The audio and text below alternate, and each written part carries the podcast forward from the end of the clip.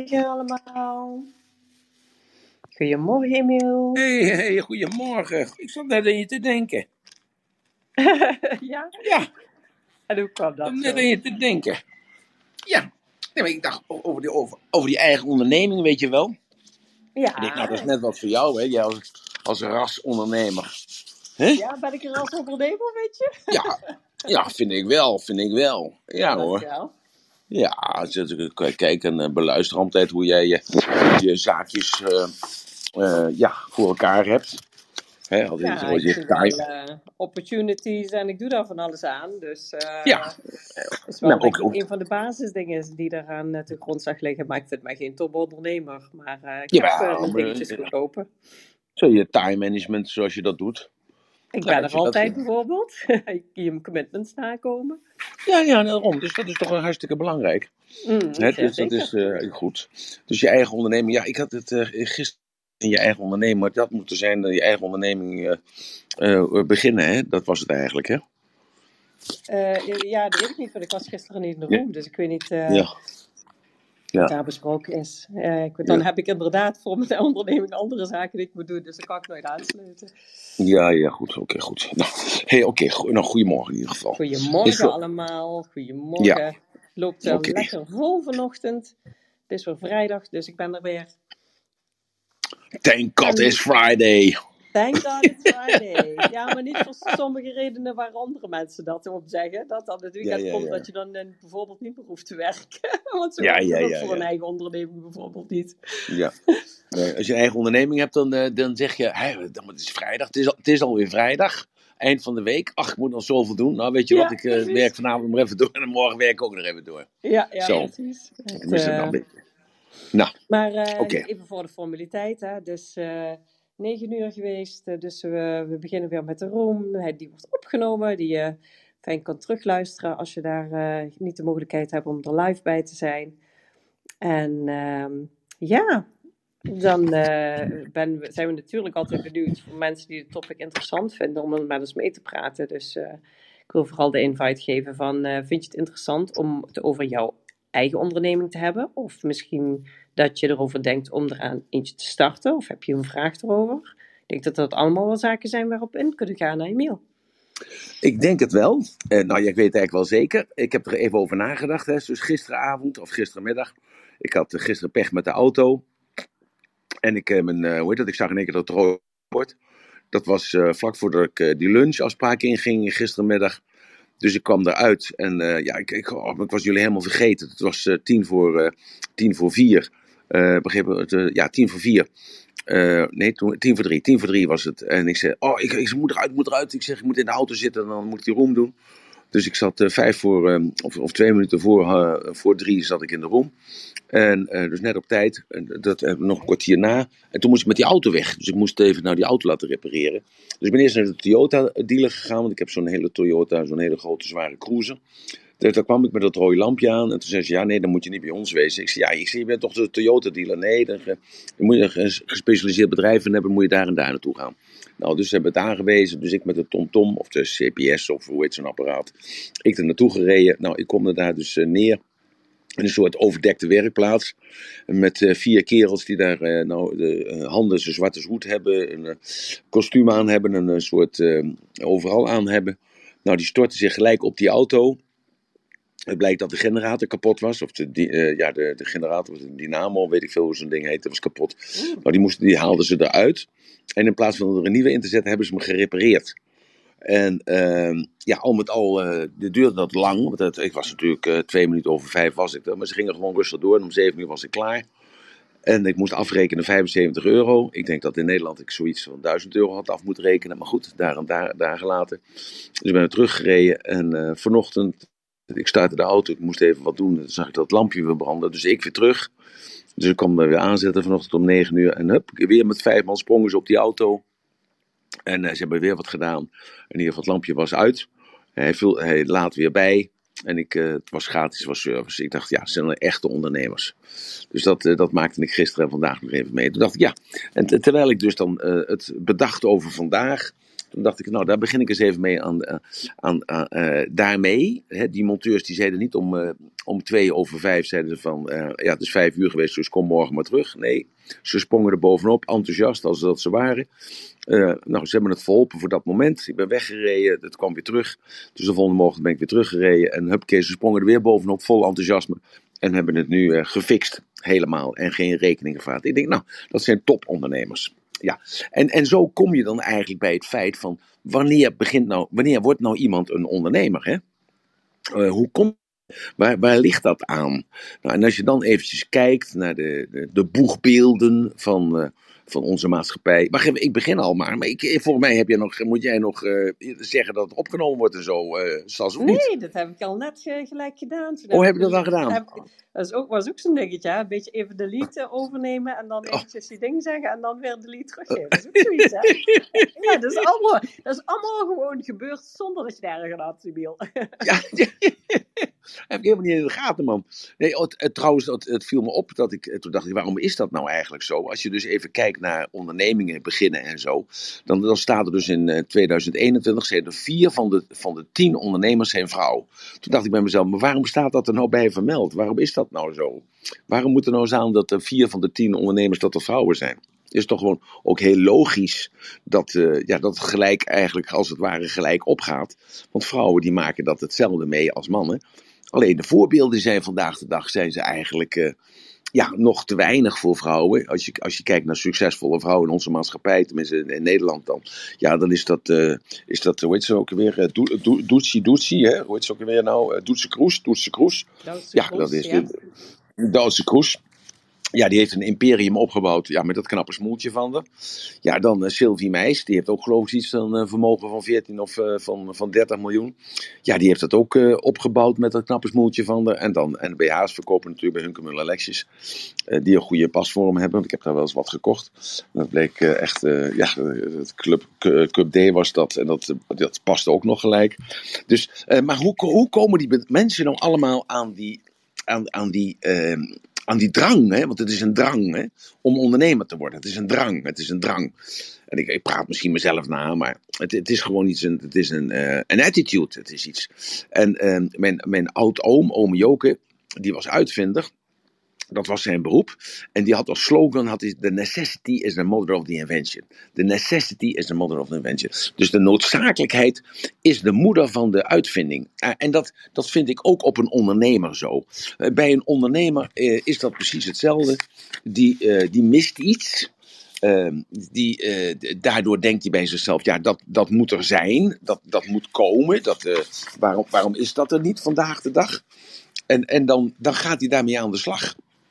En uh, als je dan je houdt aan de regels eigenlijk, en daar begin ik, begin ik eigenlijk mee, daar ben ik eigenlijk mee, ben ik eigenlijk mee beginnen eigenlijk. En als je nou dat enthousiasme hebt, hè, je, je, zit dus in gesprek met mensen, en in één keer denk je bij jezelf, hé, er, er wordt helemaal geen eten bezorgd, alleen bij pizzeria's. Wauw, ik bedenk nu gewoon thuisburg.nl. Ja, en dan, uh, dan begin je gewoon uh, in je, uh, hoe heet dat? Dan begin je gewoon in je, in je garage of in je, op je zolder of zo. Of je denkt bij jezelf van, je, je wilt bij de mediamarkt wil je wat kopen. En dat, dat kan helemaal niet via internet. Dan denk je bij jezelf, hè? Dat kan niet bij internet? Nou, dat, dat, moet toch gebeuren? En als je het al kan bestellen, dan duurt het drie of vier dagen voordat die koelkast er is. Nou, mijn slogan wordt uh, om 23 uur 59 eh, besteld. De volgende dag heb je het. En zo is Coolblue ontstaan. Dus er is altijd iets gebeurd van pijn, waardoor die man of die vrouw in één keer daarbij zegt, ik begin bij mezelf. Maar als je je dan houdt, en nou, en nou komt het, ik roep op tot burgerlijke ongehoorzaamheid ja, ik roep echt op tot burgerlijke ongehoorzaamheid als je een ondernemer wil beginnen. Want als je dat namelijk dan netjes doet, en dan ga je eerst naar de website, en dan uh, van ik wil ondernemer worden. En wat staat er dan? Dan staat als eerste, uh, test je kwaliteit. Test je kwaliteit. Test je kwaliteit, want dan weet je of je het kan. Dan, dan weet je of het kan. Nou, ik zou je vertellen dat ik ben ervan overtuigd dat de meeste ondernemers, de ondernemers in SP dan, die denken bij zichzelf, als ze, als ze gaan nadenken, als ze uit het enthousiasme komen, dat ze gaan denken van, ja, heb ik daar wel de opleiding voor? Heb ik wel genoeg geld? eh, als ik met dit verhaal naar de bank ga, zal ik dan wel geld kunnen krijgen.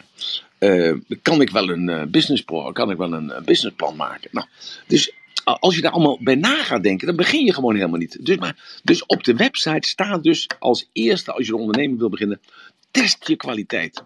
Nou, ik weet zeker dat als je aan Jitse Groen had gevraagd. Weet je hoeveel verschillende soorten uh, voedselsoorten er zijn in Nederland? Hè? Hoeveel, uh, hoeveel landen er keukens hebben? Nou, dat, dat heeft hij niet geweten. Als hij bij zichzelf uh, afgevraagd had van hoeveel kilometer kun jij s'avonds fietsen om, om 100 bestellingen thuis, thuis te leveren, nou, dan had hij gewoon al opgegeven. Ik wil maar even zeggen, test uw kwaliteit. Kijken of je het wel kan, of het wel bij je past. Dat moet je negeren. Dan de tweede wat je moet doen is dan, je moet, een, uh, een, een, een, je moet de markt verkennen. Je moet de markt verkennen. Is er wel behoefte aan jouw product? Is er wel behoefte aan jouw product?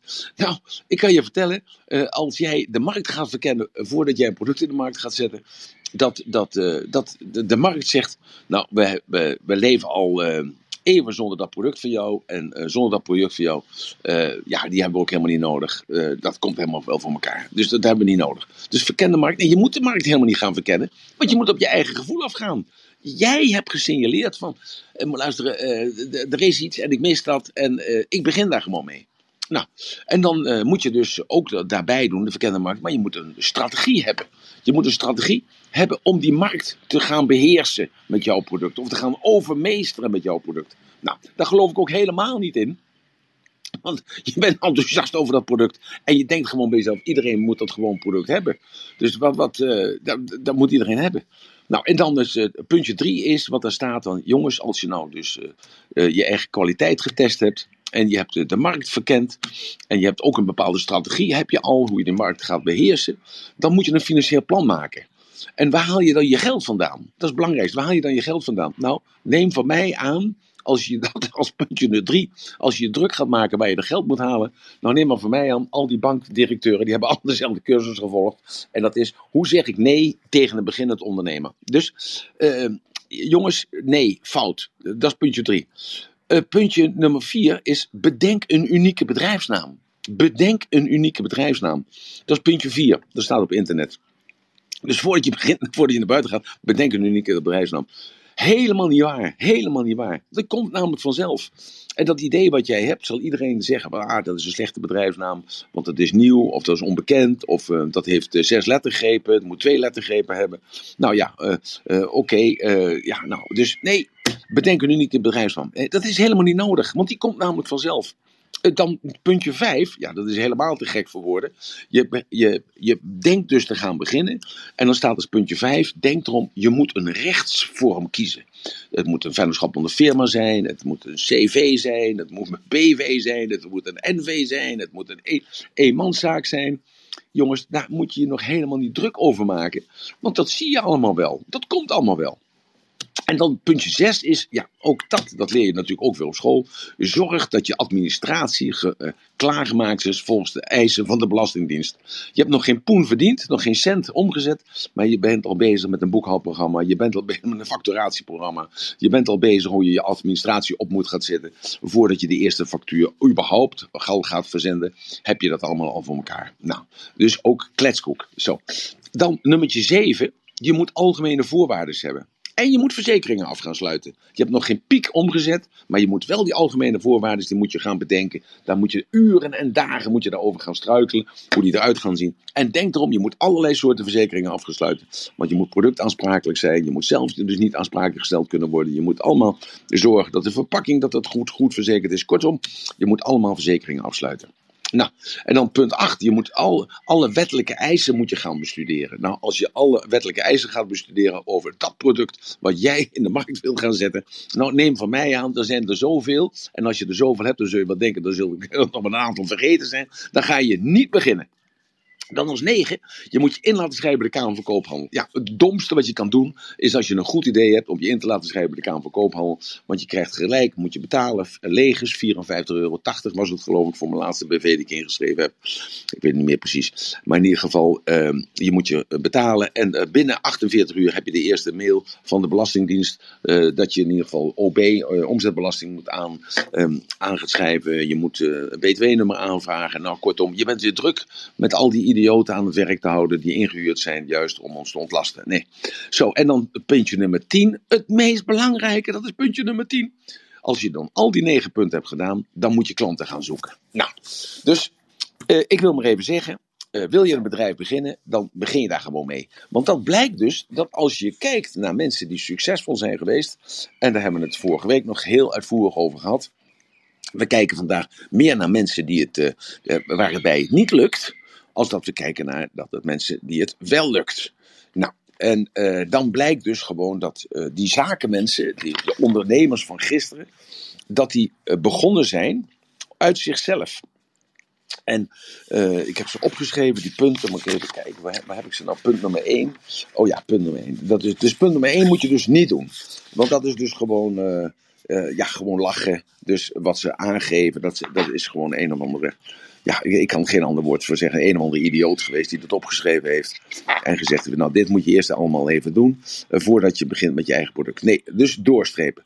Als eerste is het dat je moet realiseren dat het jouw droom is, dat het jouw onderneming wordt en dat jij ervoor gaat. En als je dus dat gaat bedenken, dan komen er vanzelf allerlei belemmerende overtuigingen uh, om de hoek kijken van, ja, maar luister, heb ik al een voorbeeld? Nou, mijn vader was ambtenaar, mijn moeder was lerares. Ja, dan zit het helemaal niet in mijn bloed. Uh, hoe, hoe, moet dat dan? Hoe ga ik dat dan doen? Bij wie moet ik dan uh, te raden gaan? Ik heb helemaal geen ervaring. Ik heb nooit gewerkt. Ik heb zelfs geen vakken gevuld bij Albert Heijn. En ik pre pretendeer dan wel dat ik een, bedrijf op kan richten. Hoe moet dat dan? Hoe kan dat dan? Ik heb geen voorbeeld. Zit het in mijn bloed? Zit het in mijn genen? Nee, nee, nee, nee. Dus dan kan ik, heb ik geen geld. Ik heb ook geen geld. Hoe moet ik aan het geld komen? Nou, kortom, je weet niet hoe je het aan moet pakken. Dat is helemaal niet erg. Want dat is gewoon al zo vaak gebeurd in je leven. Dat je iets wilt en je weet niet hoe je het aan moet pakken. Nou, en uh, dus dat gaat gewoon vanzelf. En waarom gaat dat vanzelf? Omdat je dus uit jezelf, uh, uit jezelf die energie moet laten komen.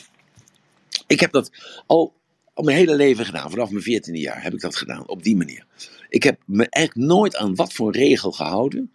Ik ben gewoon begonnen. En waarom ben ik begonnen? En ik heb er zo over nagedacht gisteren, terwijl ik in de auto zat en terwijl ik aan het wachten was, terwijl die monteurs bezig waren. Toen heb ik gedacht bij mezelf, maar wat heb ik nou anders gedaan dan iedereen? Nou, en zal ik jullie nou, nou eens vertellen wat ik nou anders heb gedaan dan iedereen? Ik heb mijn idee naar buiten toe gebracht. Ik heb mijn idee naar buiten toe gebracht alsof het al zo was. En wat gebeurt er dan als je dus dat naar buiten brengt op een manier alsof het al zo is? En dat doe je via Facebook, of doe je Instagram, dat doe je met Twitter, dat doe je LinkedIn, dat doe je op Clubhouse. Dat doe je gewoon met, met, met, met alle social media, maar ook vooral natuurlijk doe je dat met jezelf. Je gaat het vertellen dat je dus dat gaat doen. Of dat je het al gedaan hebt, of dat je van plan bent, het maakt niet uit. En wat blijkt dan? Dan trek je gelijkgezinden aan. Dan trek je mensen aan die je steunen dan trek je mensen aan die ook ideeën hebben. En dan denk, trek je mensen aan die het ook van plan waren, alleen hebben ze die stap nog niet gezet.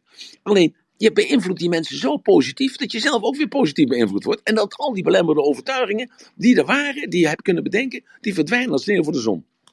Je trekt zelfs voorbeelden aan. Die voorbeelden die komen gewoon vanzelf aan. Want namelijk mensen die al succesvol zijn geweest ergens in, die schamen zich daar niet voor. Die zien een jonge gek, zoals jij of ik, hè, of een man of een vrouw of een gehandicapt, het maakt ook niet uit, een kleurling, het maakt allemaal niet uit. Die horen iemand enthousiast praten over iets wat hij gaat beginnen. En die man of die vrouw die herkent zich daarin. En die gaat van, vanuit zichzelf, gaat hij jou allerlei tips geven. Enkel en alleen maar omdat jij gewoon de moed hebt om allerlei dingen te gaan vertellen over dat product wat jij in de markt gaat zetten. En ik ga je zo direct een aantal voorbeelden geven. Hè? Zo. Dus dat enthousiasme wat, jij, wat je geeft door die energie die je hebt, trek je synergie aan. Het trekt synergie aan. Dus dat andere mensen die net zo enthousiast zijn als jij, maar die niet over durven te spreken, die stappen over die verlegenheid heen en die gaan samen met jou gaan die aan de slag. Ja, want die geven jou ideeën. Nou, het idee, bijvoorbeeld wat ik heb gezegd over die krekels. Ik heb die krekels heb ik verteld uh, aan jullie een, uh, eens kijken, een maand of twee maanden geleden. Ja? Dat ik naar uh, Bangkok ga en dat ik met die krekels aan de slag ga. Nou, ik heb dat verteld aan jullie.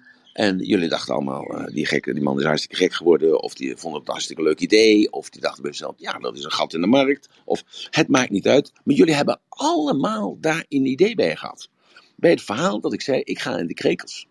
En ik heb er enigszins iets over verteld. Maar wat is er gebeurd? Nadat ik dat vertelde op Clubhouse, heb ik ongeveer zeven mailtjes gekregen van mensen al die in die handel zitten. En die hebben verteld van kom eens bij mij kijken. Want jij gaat erin beginnen. En moet ja, jij met jouw uh, kennissenkring en jou met jouw uh, verbale kwaliteiten. Misschien kunnen we samen iets doen. En zo kwam ik dus op een krekelfabriek. Ik kwam bij een krekelfabriek, niet alleen in Thailand, ben ik daarna nog in Thailand geweest, heel veel. Maar het was, was eigenlijk allemaal een soort huisvleit. Het was allemaal, het ging om een paar kilo in de week. Het, het ging om een paar kilo in de maand. Ja, en toen dacht ik bij mezelf, ja, maar dat is helemaal geen business. Het is helemaal geen business om, om drie kilo per week uh, van, die, van die krekelmeel uh, bij elkaar te krijgen. Want wat moet je daar dan mee? Zo, en, en zo dacht ik bij mezelf, ik moet dat dus, dus groots aanpakken. Dus ik moet dat groots aanpakken. Dus het is echt een hartstikke goed idee om dat in Thailand te doen. En toen was ik in Thailand. En toen heb ik even gegoogeld. En toen ben ik bij een paar krekelboeren geweest. Maar die pakten dat ook eigenlijk allemaal aan. Op een hele amateuristische huisvlijtmethodes. Maar wat ik wel zag en wat ik wel hoorde was. Dat al die beestjes, dus al die miljoenen krekels. Die werden allemaal op dezelfde manier behandeld. En hoe werden die behandeld? Die werden in hun natuurlijke habitat gehouden. En ik hoorde verhalen van mensen die het dus op een Amerikaanse wijze wilden doen. Die wilden het allemaal in, in, plastic bakken doen. En die wilden het allemaal met, uh, met natuur, uh, uh, met, met onnatuurlijke lichtsoorten. Wilden die dat uh, verwarmen. Of met een centrale verwarming erboven. Of met, met koelingen erboven. En dat mislukte allemaal.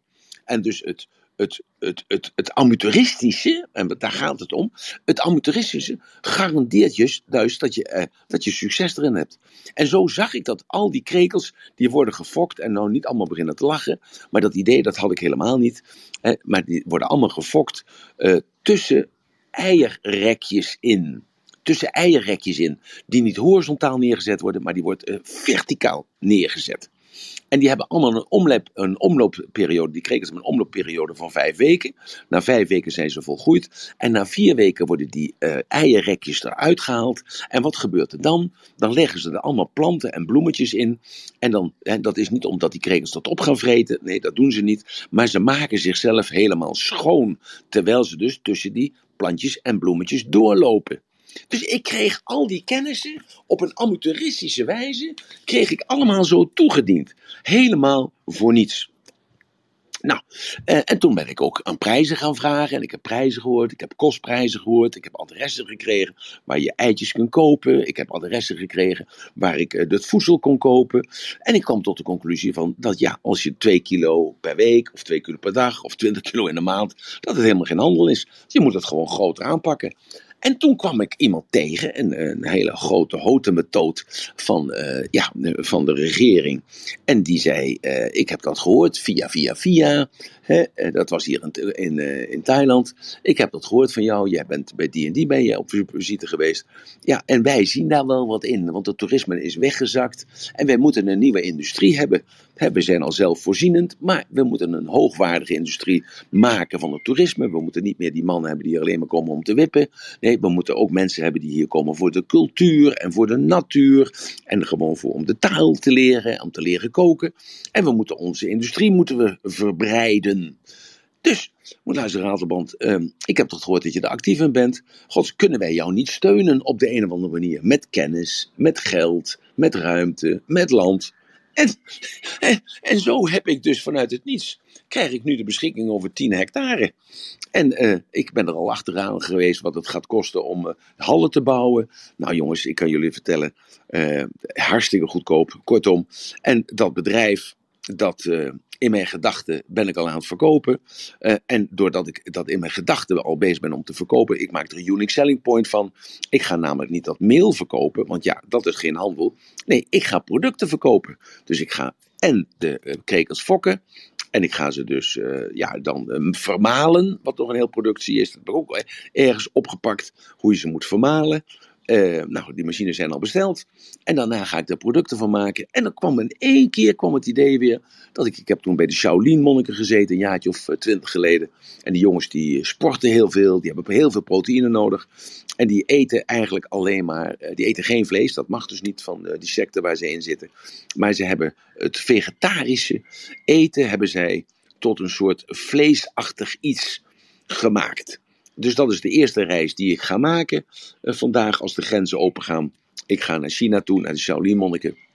Ik heb er nog wat contacten lopen. En ik ga vragen of ik de receptuur mag krijgen van die vegetarische vleessoorten die zij maken van tofu, uh, van spinazie en van allerlei andere soorten uh, groenten en fruitsoorten. En uh, aangemengd met uh, vitamine, aangemengd met voedingspreparaten, aangemengd met met allerlei smaakmakers, specerijen, alles op natuurlijke basis, zodat ze uh, in deze vegetarische uh, vleessoorten zelfs de structuur en de smaak hebben kunnen kopiëren. Dus als je daar een vegetarische biefstuk bestelt, dan heb je het idee dat je echt een biefstuk proeft. Als je daar een biologische uh, cordon bleu bestelt, dan denk je echt dat het een echte cordon bleu is, maar het is een vegetarische cordon bleu. En samen met deze uh, specerijen en met deze smaakversterkers kan ik dus het, uh, de proteïne van de krekels tot kant-en-klare stukken vlees maken.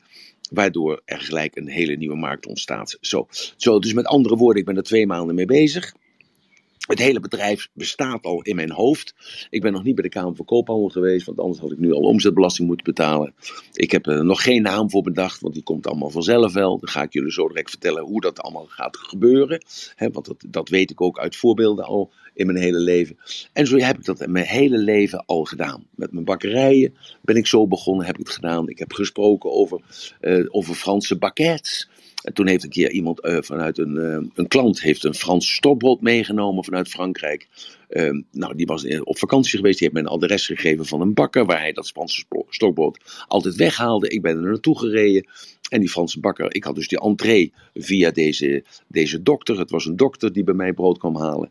En deze man, die sprak vloeiend Frans. Dus toen ik daar kwam bij die bakkerij en ik uh, vertelde dus dat ik uh, via die dokter bij deze bakkerij kwam, stond de deur open. Deze bakker, deze Franse bakker, heeft mij leren stokbrood bakken. Dankzij deze bakker ben ik erachter gekomen dat een speciaal soort bloem nodig hebt. Je hebt een, een hout, of een houten vloer, een stenen vloer nodig. Daarvoor heb je inschietapparaten nodig. Allemaal dankzij het feit dat ik vertelde in de bakkerij dat ik Franse stokbroden ging bakken. En uh, ik denk dat ik, er, uh, dat ik er geen zes maanden over gedaan heb dat ik uh, duizend stokbroden op een zaterdag verkocht in die tijd. En ik praat dus nu over eind jaren 60, begin jaren 70. En dat was dus gewoon heel iets nieuws. Nou, dus dat wil ik eventjes kwijt. En, uh, ja, en dan wil ik eigenlijk verder gaan met de voorbeelden. Hè? Want Pieter de Zwart, die kennen jullie die naam allemaal natuurlijk. Hè? Dat is de oprichter van Coolblue. Die heeft dat samen met, uh, met Pam en met Bart gedaan. Het waren, twee, het waren drie gesjeesde studenten. Was in 1999 ja, jongens, en die hebben toen gedacht van, maar luister, uh, ja, er, er, moet toch een soort bezorgdienst zijn, het moet allemaal klantvriendelijker kunnen. Uh, we worden eigenlijk uh, niet behandeld als klanten, als volwaardige kopers. We krijgen slechte, slechte voorlichting. we moeten zelf de, de koelkast naar boven sjouwen, of de, of de wasmachine. Nou, ik weet niet of je ooit wel eens een wasmachine naar boven hebt gesjouwd, maar ja, dat is echt heel zwaar. Er zit, volgens mij zit er een stuk lood in, of een stuk beton in. Maar in ieder geval, ze hebben toen samen besloten om een, een soort mediamarkt uh, ja, te gaan verbeteren. En toen hebben ze die naam bedacht en dat was Coolblue. We houden het, het is cool en het is blue en Coolblue. En dat is in 1999 uh, gebeurd. Nou, uh, dus Pieter heeft die jongens uitgekocht. Die Pam en die oh, Paul en Bart uitgekocht. een jaartje of vier, vijf geleden. En ze hadden dit jaar, of afgelopen jaar, hadden een omzet van 2 miljard. Ze wilden vorig jaar wilde Pieter naar de beurs. Maar uiteindelijk heeft hij dat toch gestopt, want hij was er nog niet helemaal klaar voor. En ik weet gewoon waarom hij er niet klaar voor was. Want namelijk als je naar de beurs toe wilt, hè, dat is een soort geldmachine die je dan koopt. Ehm, ja, dan moet je dus aan allerlei eisen voldoen. Dan wordt je bedrijf wordt niet één keer doorgelicht, maar ongeveer 2500 keer uh, doorgelicht. Je moet een hele speciale administratie hebben. Daar moet je tonnen, tonnen, tonnen, tonnen geld moet je daarin investeren. Om klaargemaakt te worden voor de beurs. En dat weigerde hij op een zeker moment. En toen heeft hij dat ingetrokken. Zo. Nou, dat is voor mij een, een, een voorbeeld. Hè. Uh, van die Pieter Zwart, die werkt zich ook helemaal zeven slagen in de ronde. En dat is ook zeven dagen lang. En die heeft werkdagen gewoon van 16, 17, 18 uur per dag. En dat doet hij niet omdat het moet, maar dat doet hij omdat hij het leuk vindt. Zo. Dus hoe is hij begonnen? Hij is gewoon begonnen als, een, met een, als een qua jongen schelmstreek samen met die Paul en die Bart. En hebben nu een omzet van 2 miljard. Nou, en dat is dan een kleine 20, 22 jaar overheen gegaan. Denk nou eens even aan die Elon Musk. Dat vind ik natuurlijk zo'n fantastisch figuur. Op 12-jarige leeftijd heeft hij een videogame gemaakt en heeft hij verkocht voor een paar miljoen. Uh, ja, een paar miljoen, anderhalf miljoen of zo. Hij, die jongen is opgegroeid in Zuid-Afrika. Hij heeft ervan gemaakt dat hij, uh, hij moest toen in dienst. En daar had hij geen zin in. En toen heeft hij ervan gemaakt, ja, nou, ik wil het, uh, het systeem niet supporten. Van, van, dat was toen de tijd, was er nog een, hoe heet het ook alweer? had toen in Zuid-Afrika, hoe heet het ook alweer, SAS. Uh, dat het was toen het twee. Uh, apartheid, ja, uh, ja, apartheid. Ja, apartheid. Ja, wilde niet, ondersteunen, wilde niet steunen. Nou, zijn vader was Zuid-Afrikaan. En zijn moeder was Canadees, dus hij had recht op een Canadees paspoort. Hij is naar de universiteit gegaan in Ontario. Nou, heeft twee keer of drie keer heeft hij snel gewisseld. En toen hij op de derde universiteit zat, toen na twee dagen zei hij, ik heb het al bekeken, ik smeer hem. En toen heeft hij dus een, een softwareprogramma gemaakt. Dat was de ZIP 2, dat heeft hij ook weer verkocht. En toen heeft hij PayPal gemaakt, dat heeft hij ook weer verkocht. Zo, en zo heeft hij dus een aantal bedrijven heeft hij uit de grond gestampt en elke keer verkocht. En elke keer heeft hij zijn vermogen weer gestopt in een nog iets groter idee. Maar hij had altijd in zijn hoofd zitten van, er komt een keer een tijd. Ja, en dat vind ik nou zo mooi aan die vent. Hij, hij heeft dus altijd gedacht, als jongetje zijnde heeft hij gedacht naar aanleiding van films die hij bekeken en, en, en, boeken die hij las, dacht hij bij zichzelf: ja, er komt een tijd dat de wereld te klein wordt. Er komt een keer een tijd dat de wereld te smerig wordt. Er komt een keer een tijd dat we deze aarde gaan verlaten. En dat we, als we deze aarde gaan verlaten, ja, dan moet ik er zorgen dat ik erbij ben. En zo heeft hij dus dat SpaceX opgericht in 2002. En, uh, ja, en, en hoe, hoe kwam hij daar nou bij om dat op te richten? Hij dacht bij zichzelf: hoe kan dat nou? Dat is toch tegen alle milieuwetten in? Zo'n Apollo-raket, die schiet dus omhoog. Daar zit zo'n klein, daar zitten drie man in de, in de, shuttle, of hoe heet dat, in de, in de, in de top. Uh, die uh, drie uh, raketten die daaronder zitten, hè, dat zijn drie stappen, die verdwijnen in de oceaan. Ja, dat kan gewoon helemaal niet goed zijn. Dat is toch een waste of energy, dat is een waste of material, dat is een waste of money. En toen heeft gedacht, maar luister, ik ga een bedrijf oprichten, SpaceX is de afkorting daarvan. En het heeft alleen maar als één doel en dat is gewoon dat we naar Mars gaan. En dat was in 2002 dat hij dat zei. Weet je hoeveel mensen gezegd je bent hartstikke gek? Want de NASA, die was in 1962, waar die naar Amerika, of naar Amerika, de NASA uit Amerika, waren naar de maan gegaan en daarna nooit meer naar de maan toe gegaan. He, dat heb ik mezelf als kind zijn ook al afgevraagd, hoe kan dat nou? Ze zijn nou één keer naar de maan, waarom gaan ze nou niet meer terug naar de maan? Nee, dat kostte te veel geld in verband met die raketten. Zo, dus hij heeft erover nagedacht en hij is dus met het idee gekomen, dus met die shuttles te werken. Zo, dus hij heeft gedacht, maar luister, als je eenmaal buiten die damkring bent, als je een bepaalde snelheid hebt, dan kun je die snelheid houden.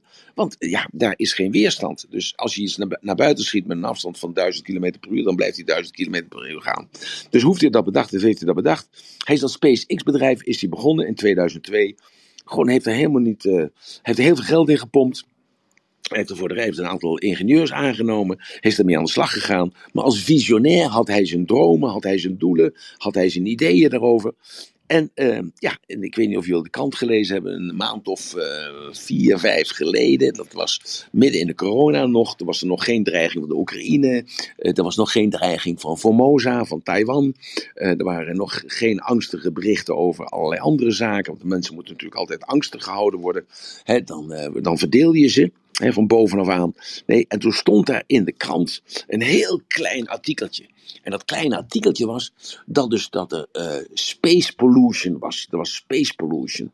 Dat was dus in de ruimte was smerigheid. Daar, uh, daar, daar was allerlei rotzooi neer, neergelegd. Hè? Of, of neergegooid of neergeschoten. Of ja, hoe het ook maar bekijkt. Dat zweefde daar rond. En dat was van de Chinezen, en dat was van de Russen en Amerikanen. Maar vooral was dat van die Musk. Want die Musk die had in de tussentijd, en dus in die kleine 19 jaar, had hij alvast 12.000 satellieten om de wereld laten draaien. En na, bij die, na die 12.000 satellieten moesten er nog 5.000 satellieten, komen. Want hij had bedacht, ooit in dat idee van de SpaceX, dat dus alle, wereldbewoor, alle wereldbewoners moesten dus via een bepaald medium contact met elkaar kunnen hebben. En dat dus over de hele wereld dat wifi, hè, zoals we dat dan noemen vandaag de dag, dat dat bereikbaar was, beschikbaar was. En hij is daar bijna klaar mee. Hij moet nog 5000 van die raketten uh, de, de lucht insturen en die satellietjes te plaatsen. En dan is de hele wereld bedekt met wifi-ontvangers en zenders. En iedereen klaagde erover, dus hij is de hele NASA vooruitgestreefd. Hij is de hele USA vooruitgestreefd. Heel China, heel Rusland. Hij is de grootste vervuiler. Nee, hij is dus de grootste exploitant van de space uh, wat wij weten van de mensen hier op deze aarde. Toen is hij in 2004 heeft hij zich ingekocht bij Tesla, omdat het hem intrigeerde. Waarom vroeger, het begin van de vorige eeuw, er alleen maar auto's waren die elektrisch reden. En dat daarna dan al die auto's verdwenen zijn, al die patenten die zijn verdwenen. En dat daar dus toen de fossiele brandstofauto's voor in de plaats gekomen zijn. Dat intrigeerde hem zo mateloos dat hij opnieuw, hij heeft zich ingekocht voor een paar miljoen bij de Tesla. En heeft uiteindelijk die mensen heeft hij eruit gekocht. En het is uiteindelijk zijn club geworden. En hij is nu dan de eigenaar van Tesla. En hij is nu de rijkste man van de wereld. Nou, enkel en alleen maar, hij heeft gewoon tegen de stroom in gehandeld.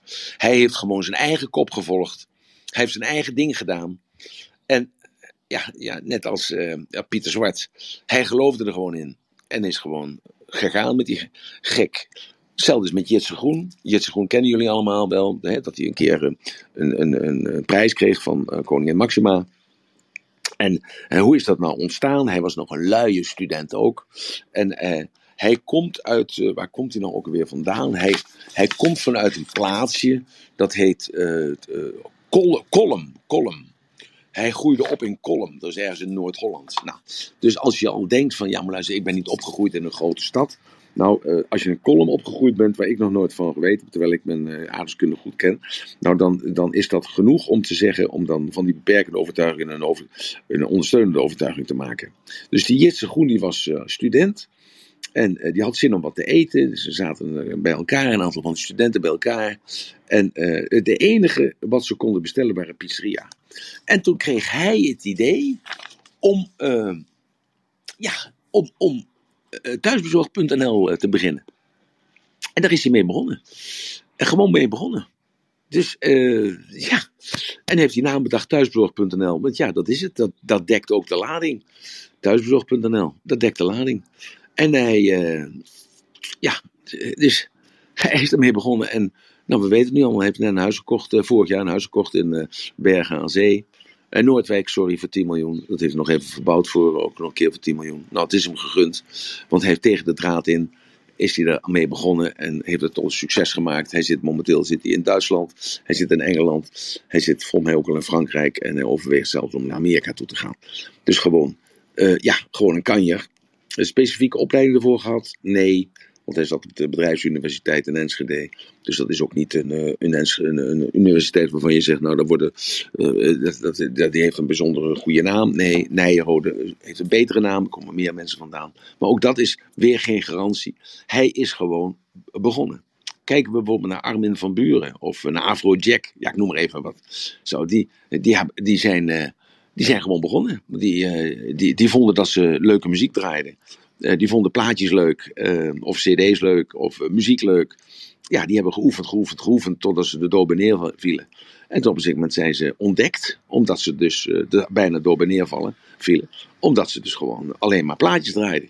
hebben zich gespecialiseerd. Denk aan John de Mol, denk aan Joop van der Ende, denk aan Ben Woldering. Hè? Dat is Ben Woldering, die was vier, 12 jaar of 14 jaar toen hij die site gemaakt had, die vergelijksite. Ik weet niet of je dat nog weet, Sas.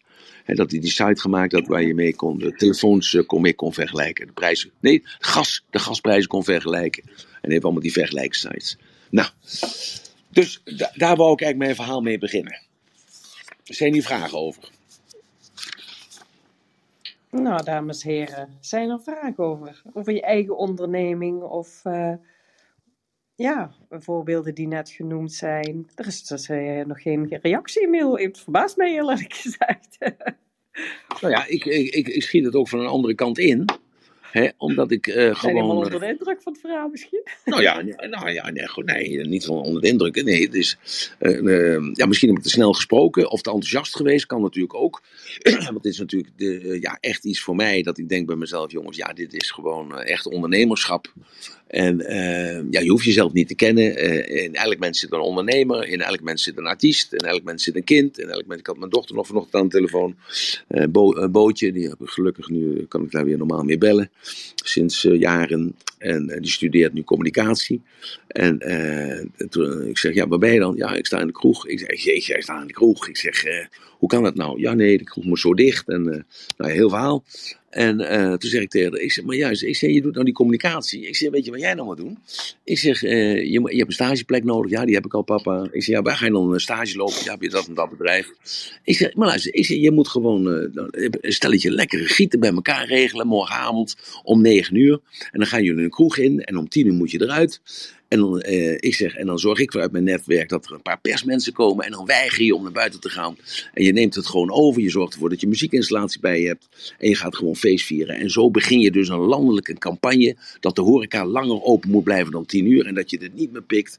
Hè, van, dus de, tegenaan beginnen. Ik zeg, en dan zorg je er gewoon voor dat je dat veel publiciteit krijgt. Guerrilla marketing. En zo begin je eigen bedrijf in communicatie. En ik weet zeker dat je daar heel veel geld mee gaat verdienen. Nou, dat, dat idee dat kreeg ik vanavond in één keer. Nou, nou, nu is het alleen nog maar de kwestie van, heeft zij de moed ervoor? Hè? Want daar gaat het namelijk om. Hè?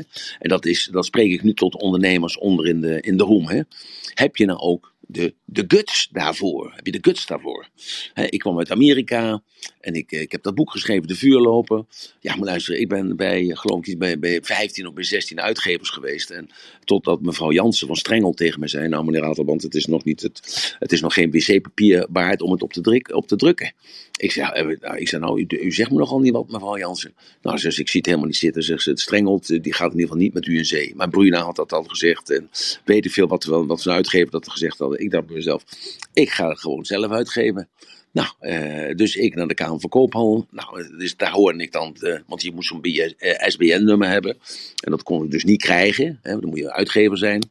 Dus toen wist ik nog niet hoe ik dat moest regelen. Nu weet ik dat, dat, dat wel, hoe je dat wel kan regelen zonder dat je bij de Kamer van Koophandel ingeschreven bent. Maar goed, ik heb me in laten schrijven bij de Kamer van Koophandel. Het blijkt dat er twee vakken waren, twee beroepen waren waar je geen diploma voor nodig had. Dat was stucadoor. Ja, ongelooflijk. En dat was toen de tijd uitgever. Dus ik ben uitgeverij begonnen.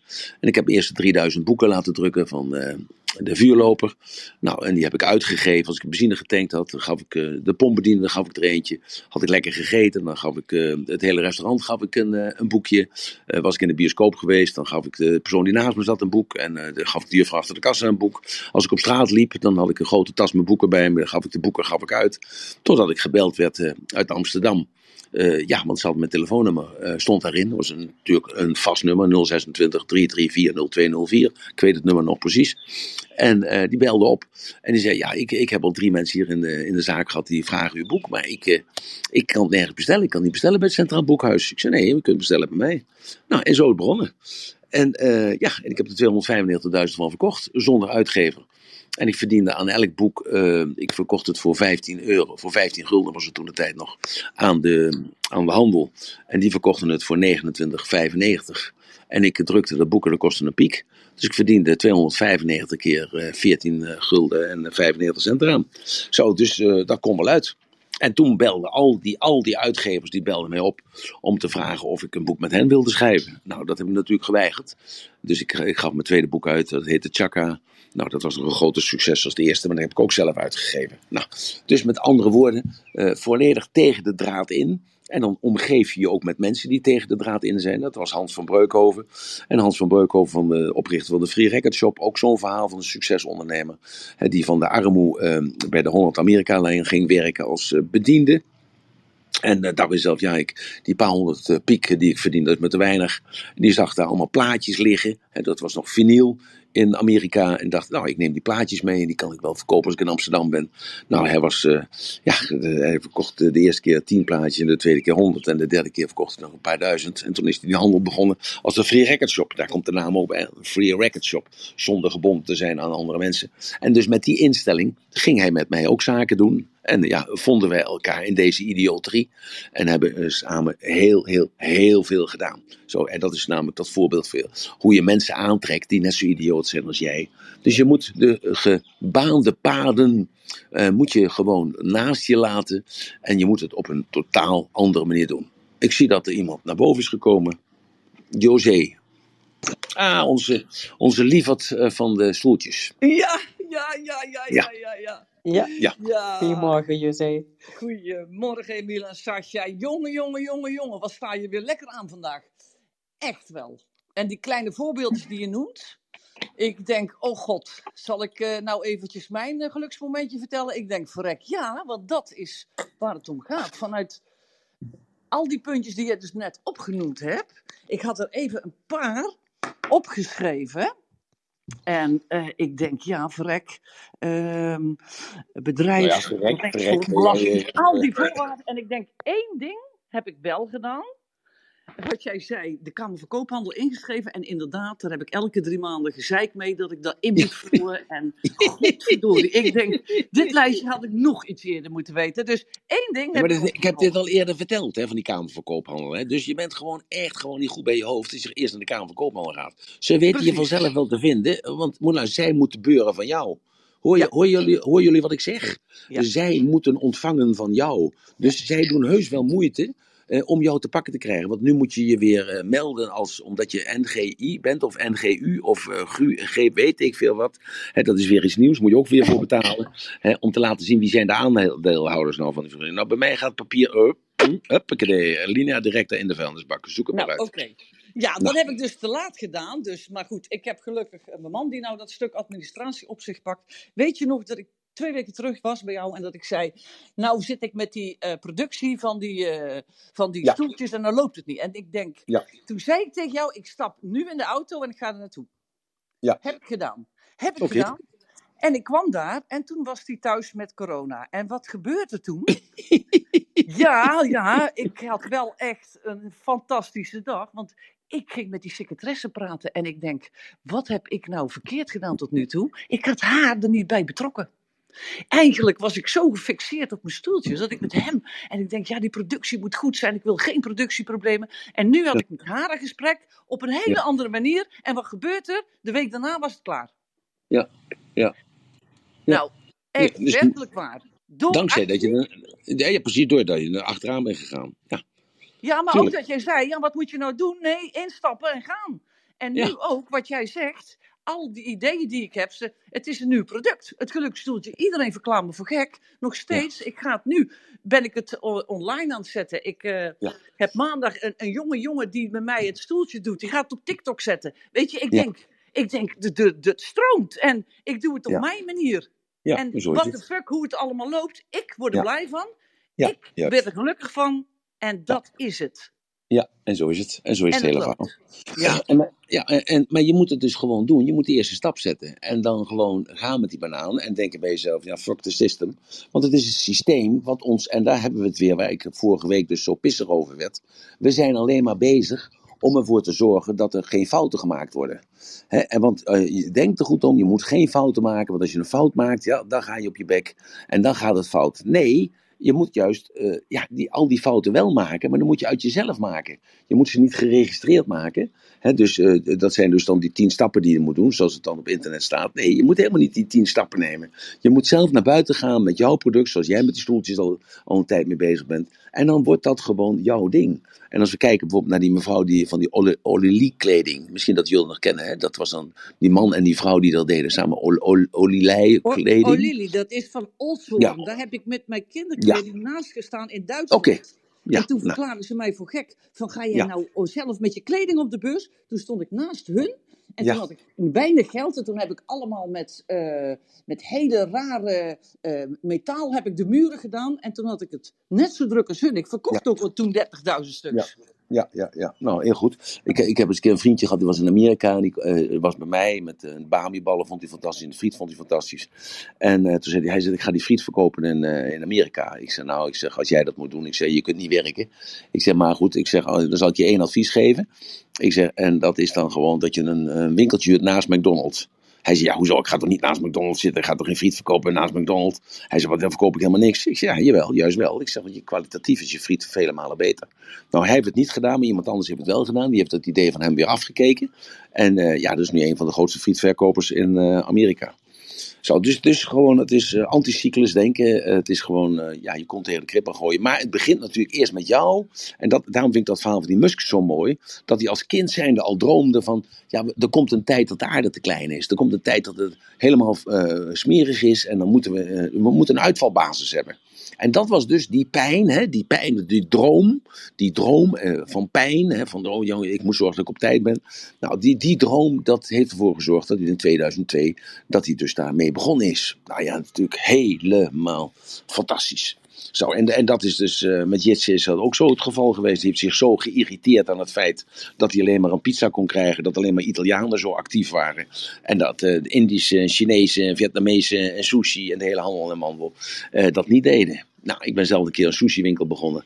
En ik had een omzet, jongen. Die klink, klonk als een, als een klonk als een klok. Klinkt als een klok, klonk als een... Ja.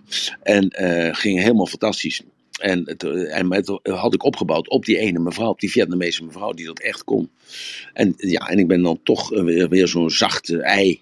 Dat ze conflict had met haar ex. En conflict had met haar zoontje, die bij haar was en bij hem was. En daar kwam niks van terecht. En uh, toen heb ik gezegd, ook uh, gezegd tegen haar: je kunt beter voor je zoon kiezen als dat je voor mij kiest. En dus het bedrijf was gelijk ten einde, want ik kon geen, uh, geen sushi maken. Dus dat was ook weer een les. Nou, zo, dus José, dankjewel voor de ondersteuning. Hè? En, um, ja, graag ja, gewoon. Emiel. En doordat jij dat zo vertelt en ook weet van nou, alles wat je tegenkomt en waar je valt, dan krijg je weer een les. En dan doe je weer alles van binnen naar buiten. En dan Ja. leer je en dan kan je door. Ja. Ja, ik herinner me nog dat ik die frietzaak bedacht had. En eh, dat kwam, omdat ik was in, eh, in eh, Napels. en ik, ik was daar om duizend velgen te kopen, omdat ik zelf een Alfa Romeo had. En dat waren zulke mooie velgen. En die kon je nergens krijgen. Dus had ik met Bob van Oort, een vriendje van me, had ik dat bedacht. Dan laten we ze maken. En in Napels, nou, daar werden ze nog met de hand gemaakt. Helemaal echt met de hand gemaakt. We hebben het niet over milieuverontreiniging, want ze werden afgespoten met water. En dat water liep zo via de riolering weg. Ik zie het nog voor me, ik ruik het nog voor me. Maar in ieder geval, daar was ik dus op dat plein, dat het Marco-plein. En er was een, een hok van 4 bij 4 meter. Er stonden, stonden 10 man in pizza's te bakken, pizza te verkopen. En druk, en druk, en druk. Nou, en toen heb ik dat pand in Nederland, in Nederland gekocht. En de, daar ben ik daar een frietzaak in begonnen. En ik wist gewoon niet uh, hoe heet het vet moest zijn. Ik wist niet hoe je voor moest bakken. Ik wist het gewoon allemaal niet. Maar het maakte niet uit. Ik ging donderdag open. En ik zie die Joop Creté zie ik nog staan. We hebben hem geïnterviewd voor de, uh, voor de documentaire. En die vertelt daar dan over. Nou, die dacht echt, die gozer, die Ratelband is echt helemaal de weg kwijt. Die denkt dat hij daar uh, tien dozen friet gaat verkopen op een dag. Nou, uh, als hij er drie verkoopt, dan, dan is hij al koopman. En ik verkocht de eerste dag verkocht ik de vijftig samen met Jenny. Dus dat was echt ook gewoon iets. En, en, we zijn er gewoon met trial and error zijn we erachter gekomen. hoe heet het moest zijn. En ja, dat het met continuïteit te maken heeft. En wat voor mayonaise je moet nemen. En hoeveel zout erop moet. En ja, wat voor verpakking je moet hebben. Want we hebben bakjes gedaan en zakjes gedaan en puntzak. We hebben al van alles geprobeerd. En uiteindelijk hebben we dus dat gedaan. En dat, het heeft ook nadelige gevolgen. Want ik weet nog dat ik na 15 jaar of na 20 jaar. Toen dacht ik bij mezelf: joh, we hebben heel veel Turkse mensen en Marokkaanse mensen. En uh, kosher mensen, halal mensen. En toen had ik op een beurs een, een, iemand uh, gezien. En die verkocht halal kroketten en halal frikandellen. Dus ik naar die vent toe, dus dat ergens in, in Twente ergens. Ik zeg, ja, ik zeg maar, ik verkoop zoveel kroketten, zoveel frikandellen. En ik, ik geloof dat de tijd rijp is. Ik moet gewoon overschakelen naar halal. Nou, zag die vent natuurlijk, ja, die zag natuurlijk handel. Die zei, ja, dat is uh, verstandig. Nou, dus dat was in de jaren, even kijken, we leven nu 2022, dat was begin van deze eeuw, denk ik, 20 jaar, 25 jaar geleden. Ja, zo'n beetje 95, 96. Ja, 25 jaar geleden. dus uh, ik de hele boel veranderd, andere plakaten gemaakt. En het verkocht echt tienduizenden kroketten op een dag. Dus ik maakte de halal van, een uh, speciale receptuur uh, van Mohammed en de islam en bla bla bla bla. Nou jongen, mijn omzet die zakte gewoon met 80% naar beneden. En ja, dat, alleen omdat ik halal uit enthousiasme had gedaan. Dus dat ging fout. Dus na twee weken heb ik uh, ja, uh, afgezegd. Ik moest natuurlijk alles afnemen, want ik had uh, zoveel in het voren besteld. En dan heb ik gewoon weggekieperd. Ik heb het naar de voedselbank gebracht. De voedselbank zei, ja, wat moeten we ermee? Ik zei, nou ja, wat moet je ermee? ik zeg, geef aan al die arme mensen. En toen zegt die vent daar bij de voedselbank, die zegt tegen ja nee, maar u moet betalen. Ik zeg, moet betalen? Hij zei, ja, wat denkt u dan? Ik zeg, ja, ik zeg, ik zeg, je helpt er toch andere mensen mee die niet te eten hebben? Hij zegt, ja, maar zo werkt het niet. Hij zegt, eh, meneer Unox of meneer Jumbo of meneer, uh, uh, ja, noem ze allemaal maar op. als die producten over hebben of die zijn over tijd, dan kan die ze naar de brengen. Dat kost dan zoveel, zoveel euro per ton. En u moet hetzelfde bedrag aan ons betalen. Ik zeg, nou, ik ben toch helemaal te gek voor woorden, zeg. Nou, dus ik heb uh, die vrachtwagen vol met uh, halal kroketten weer meegenomen. En ik heb ze uiteindelijk allemaal weggegeven. Dan uh, weet ik veel wat allemaal. Maar, dus ik heb ook met, met de, de, voedselbank wilde ik niets meer te maken hebben. Dus het is gewoon een commerciële instelling geworden. Nou, dus ja, en dat heeft denk ik geduurd, ik denk al met al drie jaar geduurd voordat ik weer op de oude omzet zat. Zo, dus dat heeft mij weer geleerd van Ratelband, die idioterie. En natuurlijk hè, dat uiterste waar je altijd uh, zo in bent, hè, impulsief en dergelijke. Heeft er dan wel voor gezorgd dat ik nu vaker nadenk. Maar ook weer niet, want anders had ik hier natuurlijk niet in Thailand gezeten. En, uh, want ik, in Thailand is gewoon, ja, Nederland is voor mij af. Iedereen is bezig om uh, ervoor te zorgen. Dat zijn die tien punten, daar met die tien punten ook even benoemd. Die staan echt gewoon op als je ondernemer wil worden, waar je dan voor moet zorgen. Dus Nederland is af. Want iedereen uh, probeert jou te behoeden voor de fouten die je mogelijkerwijs zou kunnen maken. En hier in Thailand is het gewoon, uh, ja, we hebben, praten hier over salarissen van uh, tussen de 1 en de, en de 3 euro per uur. dus alles moet nog duurder worden hier. Ja, dus een huis koop je hier voor, voor 25, voor 35.000 euro. En ja, niet natuurlijk de westerse norm, maar goed, toch, het is een huis met een dak erop en airconditioning erin. Ja, dat gaat alleen maar duurder worden. Dus ik heb het allemaal al een keer meegemaakt natuurlijk. Want ik weet nog dat je een huis kon kopen in Arnhem voor 12.500 gulden. 12.500 gulden. Dat is 6.000 euro. En dat was in de jaren 60. Dus dat is 50, 60 jaar geleden. Zo. En als je dat corrigeert met de inflatie, dan, dan is het misschien, gaat het twee keer over de kop of drie keer over de kop. Maar drie keer 12.500 gulden. Uh, dat is, uh, was 6000 euro, uh, drie keer over de kop, dan kom je dus op 18.000 euro. En dat was een echt een eensgezinswoning waar mensen konden wonen met drie of vier kinderen. Zo, dus maar even aan te raken. ja, hier ligt het geld op straat. Je moet je alleen even bukken en moet oprapen in je zak stoppen. En dan komt in plaats van die 1 euro, komen er 10 euro's komen eruit. Zo, dus dat is het leuke als je hier bent. Het is snel, snel scoren. Het gaat niet alleen om de poen het gaat gewoon om uh, ja, het, ondernemen hier. Is uh, alles wat je aanraakt, dat verandert in goud. Dat kan ik rustig zeggen. En dat maakt het ook leuk. Ja, dus uh, de ondernemer staat weer helemaal klaar. Zijn er nog vragen? José, Sas. Nee, ik, ik vind het echt altijd zo leuk, super enthousiast, zoals je het verhaal brengt en hoe je je eigen verhalen zo deelt, wat je allemaal hebt meegemaakt. Ja, en ik, uh, ik heb zelf, uh, ik moet wel zeggen, ik heb wel de stapjes gevolgd, maar toen had ik wel al business. dus uh, wat dat betreft, dat ging hand in hand in mijn geval. maar ik denk dat het belangrijk is dat je een, een doel hebt en een gedrevenheid. En dat hoor je dus ook heel duidelijk in jouw verhaal terug. en en die, die gedrevenheid, ja, die brengt je overal. En dan kun je ook van elke fout die je maakt, kun je weer opstaan. Ja, en het rare eraan is eh, dat ik nu pas, nu pas, nu, door die documentaire, uh, zie ik al die beelden terug, die foto's, uh, mensen, oude zakenrelaties en dergelijke. En dan dus die idioterie allemaal. En, uh, ja, en, en dan denk ik bij mezelf, ja, maar waarom deed ik het nou altijd? Deed ik nou om geld te verdienen? Nee, ik deed het helemaal niet om geld te verdienen, want het geld kwam gewoon vanzelf. Het geld heeft altijd mijn hele leven over de plinten heen geklotst. En ook tijden gehad dat ik gewoon echt gewoon armoe had. Laten we het vooropstellen dat ik niet wist wat ik voor of achter leefde. En omdat ik mijn geld had gestopt in een nieuwe machine Eh, of ik had een bepaalde cursus gevolgd. Of ik, ik had weer ergens in geïnvesteerd wat achteraf verkeerd bleek. dus daarom vertel ik dat verhaal van die halal bijvoorbeeld. Van die halal kroketten. De tijd ver vooruit. En ehm, ja, ik heb gewoon altijd ideeën gehad. En dan dacht je, de hele wereld zit erop te wachten. Ja, de hele wereld zit erop te wachten. En, en dan begin ik gewoon eraan. En ja, dat gaat gewoon altijd goed, want dat is dat enthousiasme en dat is die kracht en die vitaliteit, wat, je, wat daaruit voortkomt en die energie.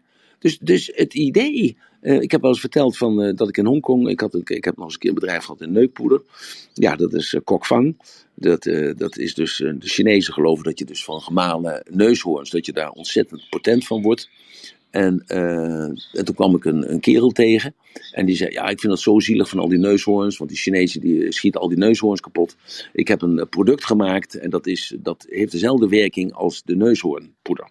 Kokvang heette dat. En dat was een heel systeem. En dat kon je dan zelf kon je dat, uh, maken. Dat kon je dan maken door middel van schimmels. En door die schimmels dan uh, te verwarmen, uh, doden die schimmels, maar dan werd het een werkzame stof. Dus dat heb ik ook nog een tijd gedaan. Waarom? Omdat ik daar gewoon in geloofde en dat dat leuk was. Maar wat ik eigenlijk wilde zeggen is dat ik nu pas erachter kom dat ik het nooit voor het geld gedaan heb. Ik heb het altijd gedaan om mensen blij te maken. Want namelijk als je een fantastisch product hebt, dan ben je daar zelf helemaal enthousiast over dan maak je iemand daar enthousiast over. Dus die wordt blij en die gaat het kopen. Dan maak je de leverancier maak je blij, de belasting maak je blij, de klant maak je blij, je personeel maak je blij, je bent zelf blij. En je bent gewoon heel blij omdat je dus dat mag verkopen en daarom ben je er ook dankbaar voor. Dus ik heb mijn hele leven dat gedaan om blij te kunnen zijn. En dat is het eigenlijk. Niet om iets te, uh, niet om iets niet naar boven te laten komen of niet als een soort uh, hoe noemen we dat, als een soort verdoving te werken. Ik heb dat verhaal gelezen van meneer Moskowitz, in de Volkskrant gelezen, in het NRC gelezen, in de Telegraaf gelezen, in het AD gelezen. Dan lees je vier verschillende verhalen, hoe die meneer Moskowitz dus dat heeft beleefd toen hij dan in het kamp zat, dat hij dat nummer kreeg, hoe hij terugkwam, hoe hij dat deed. Maar wat deed die man altijd?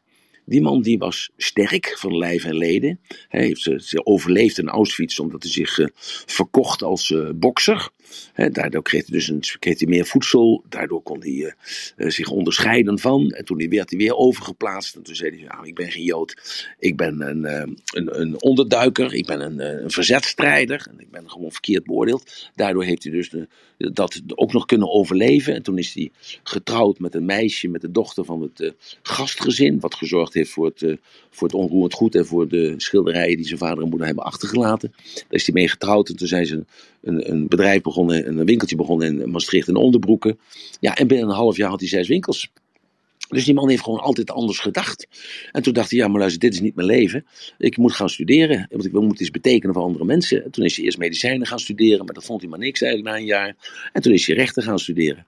En, en, uh, ja, en toen was advocaat was gewoon eigenlijk een beetje een vies vak. Want een misdadiger die was gewoon fout. En dat was gewoon uh, smerig en die moest gewoon gestraft worden. En die advocaten die dus die mensen hielpen, ja, dat waren eigenlijk ook misdadigers. En ik weet dat nog wel. Hè, dat een strafrechtadvocaat, dat was gewoon echt een beetje een uh, sujet. Dat was gewoon ook een, uh, was ook een misdadiger. En, ja, en hij heeft dat hele vak van advocaat, heeft hij gewoon met elan en met charme en met vakmanschap, heeft hij dat daar neergezet. En dan zie je ook weer, ik heb het toevallig uh, het verhaal gestuurd naar een bekende hier, die wat problemen met zijn kinderen heeft. En toen heb ik gezegd, kijk, ik zeg, wat heeft hij nou gedaan? En wat is er nu van zijn vier kinderen terechtgekomen? Hè? Hij heeft gedacht dat die kinderen ook dat talent hadden wat hij had. En, en hij heeft die kinderen op die bepaalde manier behandeld. Maar die kinderen hebben misschien dat talent wel gehad, maar die kinderen hebben nooit dat meegemaakt wat hij heeft meegemaakt. Die hebben nooit zo moeten vechten. En dat was nou dat verhaal van vorige week. dat ik zeg van, kijk eens, we moeten kijken naar de winnaar. En we moeten kijken, wat heeft hij nou anders gedaan dan de loser. En dat blijkt dus dan gewoon, dat de winnaar heeft zich geluisterd naar zijn eigen stem. En die is zijn stem gevolgen, gaan volgen. En die is daardoor succesvol geworden. Nou, dat was weer uh, de les van vandaag, denk ik. Nou, heel mooi. Dus, uh, Mag ik nog even iets zeggen? Altijd. Kijk, wat jij zei, ik heb het nooit gedaan voor het geld, maar omdat ik er zelf gelukkig van werd. En dat ja. is zo essentieel in het leven. Waar je zelf van aangaat, waar je het vuurtje van aangaat. Als je dat goed doet en dat blijft volgen, dan komt het.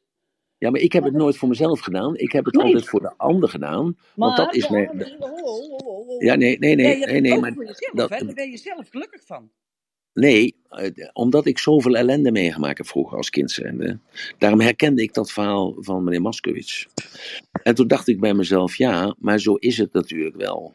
Hè? Want hij is, het heeft dus in eh, 1914 of 2014 heeft hij een hersenbloeding gekregen. dus heeft, eh, of nee, in 2004, sorry, 17 jaar lang heeft hij in de stoel gezeten.